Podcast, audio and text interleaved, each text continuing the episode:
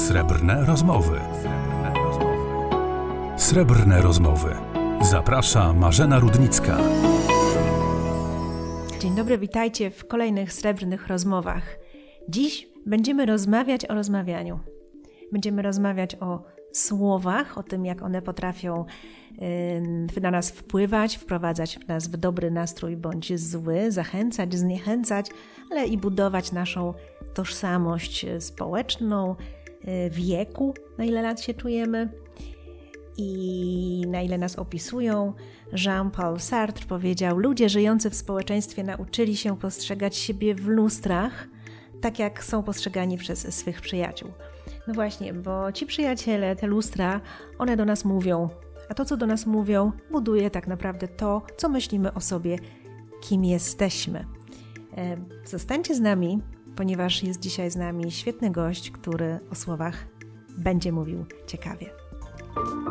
Marzena Rudnicka, fundatorka i prezeska Krajowego Instytutu Gospodarki Senioralnej, członkini Komitetu Nauk Demograficznych w Polskiej Akademii Nauk oraz autorka pierwszego w Europie znaku jakości OK Senior. Wieloletnia jurorka międzynarodowych konkursów, a także współautorka książki Marketing Generacji Silver. No właśnie, wracając do naszego gościa, bardzo się cieszę, że przyjął moje zaproszenie i dzisiaj nam opowie o swojej przygodzie e, ze słowami. Jacek Wasilewski, medioznawca, ale też pisarz, autor wielu książek. Ostatnią, niedawno wydanej pod tytułem Uwięzieni w słowach rodziców, gdzie współautorką jest Agnieszka Kozak. Cieszę się, Jacku, że jesteś z nami. Dzień dobry. Dzień dobry. Jacku, dzisiaj trochę pobłądzimy po słowach. Pochodzimy sobie trochę dziś po słowach, poszukamy ich znaczeń. Czasem niektórzy mówią: Nie przejmuj się, to tylko słowa. No ale przecież słowa mają znaczenie, prawda? Mają przez cały czas znaczenie, ponieważ my w dużej mierze żyjemy w słowach, czyli oprócz tego, że mamy potrzeby fizjologiczne i jemy, albo śpimy, albo robimy jeszcze inne rzeczy, które musimy robić, żeby nasz organizm funkcjonował, to wszystko inne składa się ze słów, czyli my musimy nauczyć się, że brat mamy to wujek i że z tym wujkiem coś tam się, coś nas łączy i te relacje są określone słowami. Jeżeli mówimy o jakimś dobrostanie, o, o kwestiach psychicznych, jeżeli mówimy o miłości, to bez słów bardzo trudno jest to zrobić. Więc można powiedzieć, że cały nasz świat jest e, etykietowany słowami. I dlatego e, słowa potrafią ranić zupełnie jak obiekty, zupełnie jak obiekty fizyczne. Dlatego mówimy, że czujemy się dotknięci czymś słowem, albo właśnie zranieni, albo. Mm, albo czyjeś, czyjś język nas razi, zupełnie jak słońce może nas razić. Więc te wszystkie metafory powodują, że, e, że słowa traktujemy jako, czasami jako byty obiektywne. Jacku, ale też mówimy o niektórych zdarzeniach albo emocjach, zwłaszcza, że nie potrafimy wyrazić tego słowami. Czyli coś przeżywamy tak bardzo, że brakuje nam słów do opisania tego, co czujemy. I teraz chciałam miękko przejść do tożsamości wieku. Jak słowa potrafią kreować to, na ile lat się czujemy? Kiedy, czy zdajemy sobie sprawę z tego, że mówiąc do kogoś, wiesz, ty jesteś za młoda na to, albo w twoim wieku to to już nie wypada tak się ubrać. Albo no, wyglądasz taki kuriozalny komplement, który w sumie nigdy nie wiadomo jak odebrać, czy on w ogóle jest komplementem. Super wyglądasz jak na swój wiek. No nie, nie brakuje, tylko używamy słów, słów, które nas trochę blokują, albo tworzą bariery, albo są z innego świata niż ten, który postulujemy. No bo jeżeli mówimy o długowieczności, to mówimy o tym, że my możemy w pewnych rolach e, realizować się dłużej prawda? Bo ja tak zrozumiałem to słowo długowieczność. Czyli jeżeli ktoś na przykład jest e, profesorem uniwersyteckim, to on może być dosyć długo profesorem uniwersyteckim i nie mówimy do niego dziadku, nie? albo dziadku profesorze. Natomiast jeżeli ktoś jest e, mm, ojcem ojca, no to bardzo szybko zamienia się w, tak, w dziadka i ten dziadek od razu ze sobą ma e, pewne konotacje. Tak, że dziadek na przykład to nie za bardzo ogarnia się technologicznie, albo dziadek to pewnych rzeczy nie rozumie, albo była kiedyś taka akcja zabierz babci dowód w momencie, kiedy było głosowanie e, e, a propos akcesji do Unii. Więc te wszystkie rzeczy pokazują, że, e, że mamy takie zderzenie dwóch światów. Pierwszy świat to jest ten świat e, gerontokracji, w których ci, którzy byli starsi, byli depozytoriuszami wiedzy i, i stari, starzy górale wiedzieli, jaka jest pogoda i tak dalej, ponieważ w ogóle Polacy mało czytali kiedyś i to, co było, i to, co było przechowywane w pamięci starszych ludzi, było istotne. Dobrze było być starszym, bo wtedy ta wiedza dawała władzę. Natomiast w momencie, kiedy nastał postęp i ten postęp e, zaczął mocno przyspieszać, to okazuje się, że e, może być on ekskluzywny w stosunku do starszych osób. E, starszych osób w ogóle powiedziałem, tak, żeby nie powiedzieć starzy, to się mówi starszych, to jest bardzo ciekawe, bo e, starsza osoba to powinna być jeszcze bardziej stara niż stara. A my mówimy starsza osoba, żeby nie powiedzieć stara, bo stara wydaje. Tak, bo stara wydaje nam się y, mniej, y, mniej bardziej naznaczająca. E, to tak jakby ktoś był wolny, ale byśmy mówili do wolniejszych osób, żeby nie, nie mówić wprost, że jest wolny. Ale to jest a propos naszego języka dygresja. Wracam do, e, do tego momentu zderzenia dwóch światów, czyli z jednej strony mamy tą e, władzę starszych i mówimy na przykład starszy specjalista, prawda? Albo, albo nie wiem, jakaś władza senioralna. A z drugiej strony mamy właśnie tego dziadka, czy mamy tą babcię, którzy w mm, takich e, konstruktach w umysłach młodych ludzi nie ogarniają, e, ponieważ albo się nie interesują pewnymi nowymi e, mediami, albo technologiami, albo jest tak, że często nie jest im to potrzebne, ponieważ ten świat zawsze jest odpowiedzią na jakąś dziurę, którą rodzi inna, wcześniejsza technologia. Czyli jeżeli byśmy na przykład w mieście się nie rozrastali tak bardzo, tylko przez cały czas byli na trzepaku albo pod GSM, to nie byłyby nam potrzebne telefony komórkowe, tak? bo ten świat byłby dużo I dlatego, i dlatego ci starsi żyją w innym e, świecie, który może, yy, może być, yy, może po prostu nie mieć tych potrzeb, które mają, mają ci młodzi, bo w momencie, kiedy wnuczkowie wyjechali do Irlandii, nagle się okazało, że większość babć i dziadków znakomicie radzi sobie ze Skype'em, albo Zoomem, albo z innymi e, kwestiami internetowymi, żeby porozmawiać z wnuczkami, czyli zaszła potrzeba. I nie było tutaj żadnych problemów, albo problemy były niewielkie, dużo mniejsze niż, niż się spodziewaliśmy. Więc wróćmy do tej tożsamości. Jesteśmy w rolach, jesteśmy mamą, a jak jesteśmy mamą, to przez cały czas słyszymy, że matka to może, albo tego nie może, albo nie powinna. Taki typowy przykład to jest coś się stało z dzieckiem, gdzie była jego matka?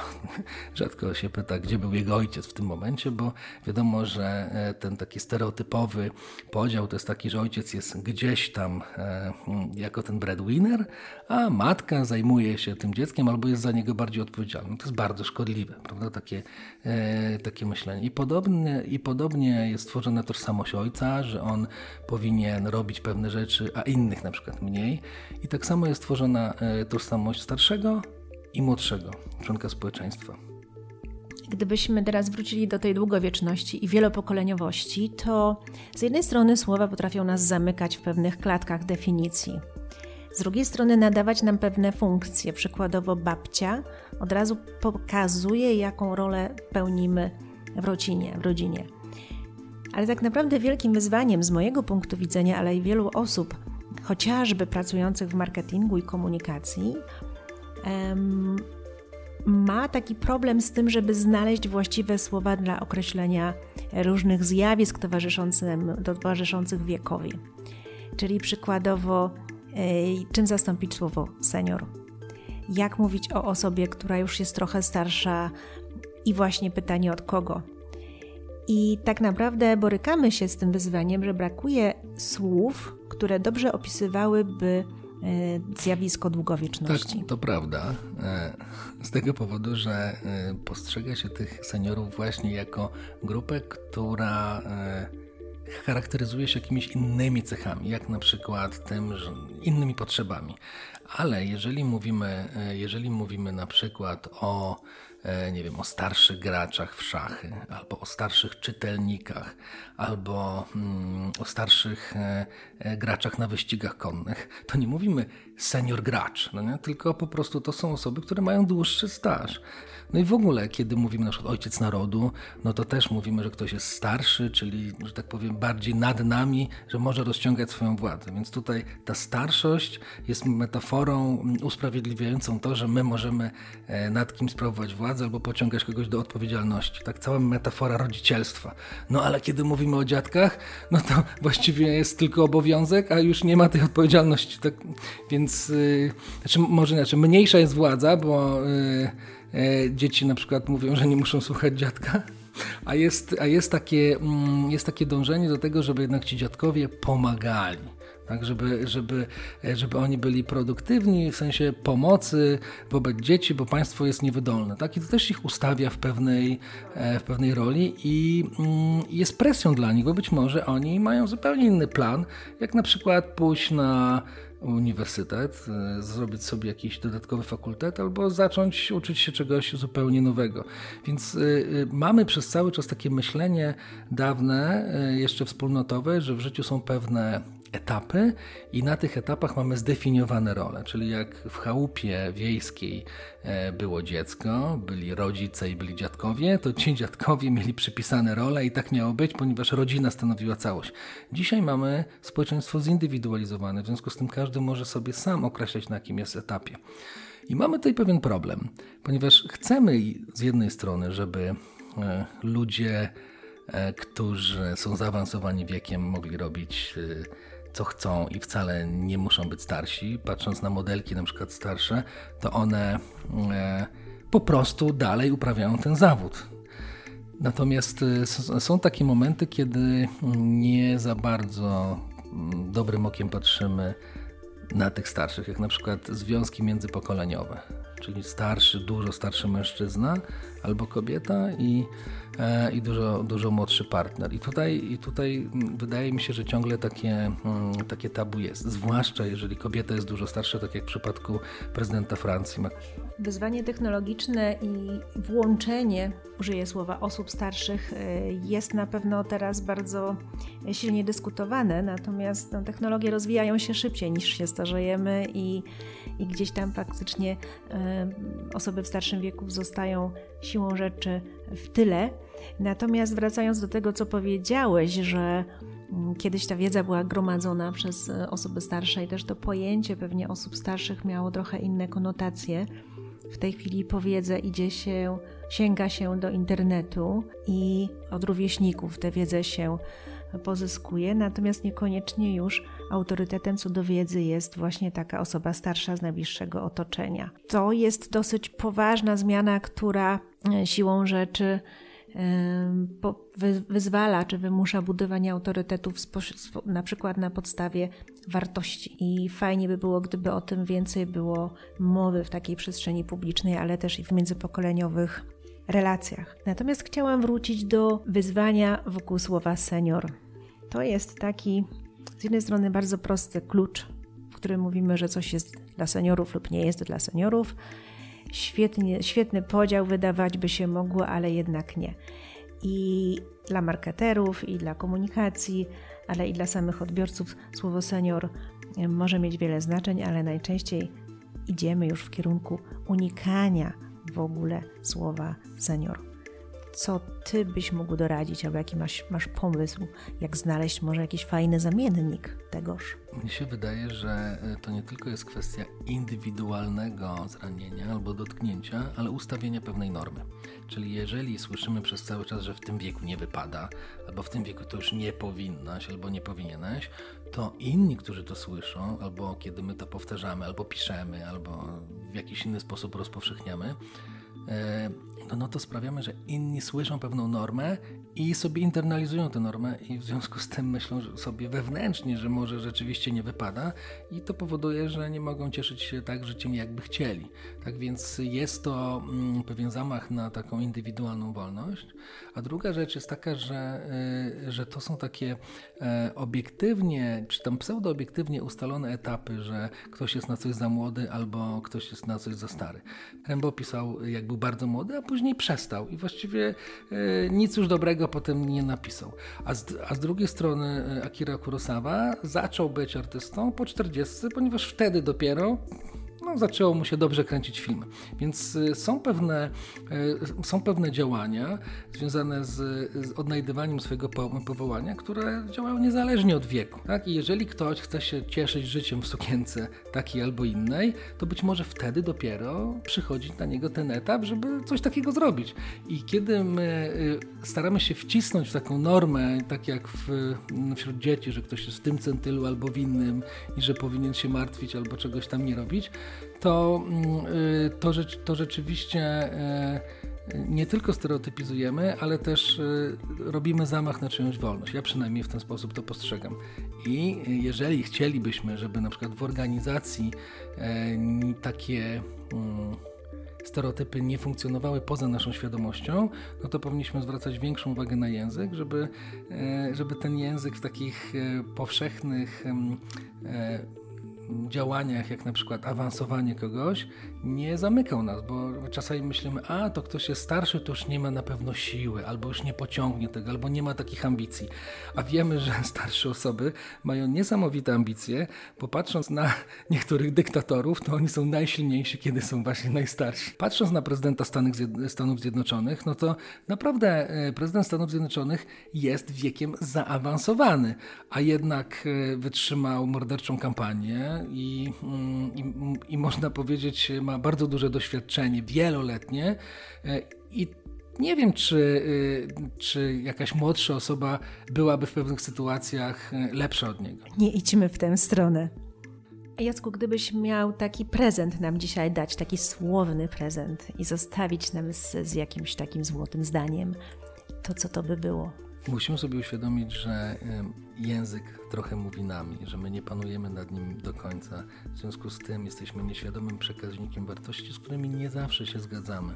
I dlatego, jeżeli e, chcemy rzeczywiście wykorzystać potencjał różnych naszych organizacji, to powinniśmy e, opracować polityki językowe nie tylko a propos genderowej różnorodności czy równości kobiet i mężczyzn, ale także inkluzywności wobec starszych osób, z tego powodu, że wkrótce te osoby, które będą miały powyżej 60 lat, będą ratować naszą gospodarkę, ponieważ zmienia się nasza demografia, więc e, im szybciej zrobimy takie polityki, tym szybciej nabędziemy doświadczenia, jak korzystać z tego potencjału. Było to więcej niż jedno zdanie, ale e, cieszę się, że powiedziałeś o tym słowniku tak naprawdę E, takim językowym, związanym z różnorodnością wiekową, bo faktycznie tego brakuje i jeżeli słuchają nas przedstawiciele organizacji, którzy mają wpływ na budowanie pewnych narzędzi zarządzania różnorodnością, to e, zachęcamy do właśnie zbudowania takiego e, katalogu dobrych słów mówiących o ludziach w różnym wieku w Waszej organizacji. Jacku, bardzo się cieszę, że z nami byłeś. Bardzo Wierzę w to, że dzisiejsza rozmowa e, gdzieś zostawi jakąś refleksję w, w naszych słuchaczach, że być może będziemy bardziej uważni na to, co mówimy do drugiej osoby i będziemy e, zastanawiać się, jak reagować też na słowa, które nas określają i być tego bardziej świadomymi odbiorcami. Bardzo Wam dziękuję, że z nami byliście po raz y, kolejny. Mam nadzieję, że Wam się podobało i będziemy się słyszeć już za tydzień. Bardzo dziękuję. Wszystkie podcasty i debaty znajdziesz na stronie internetowej srebrnerozmowy.pl.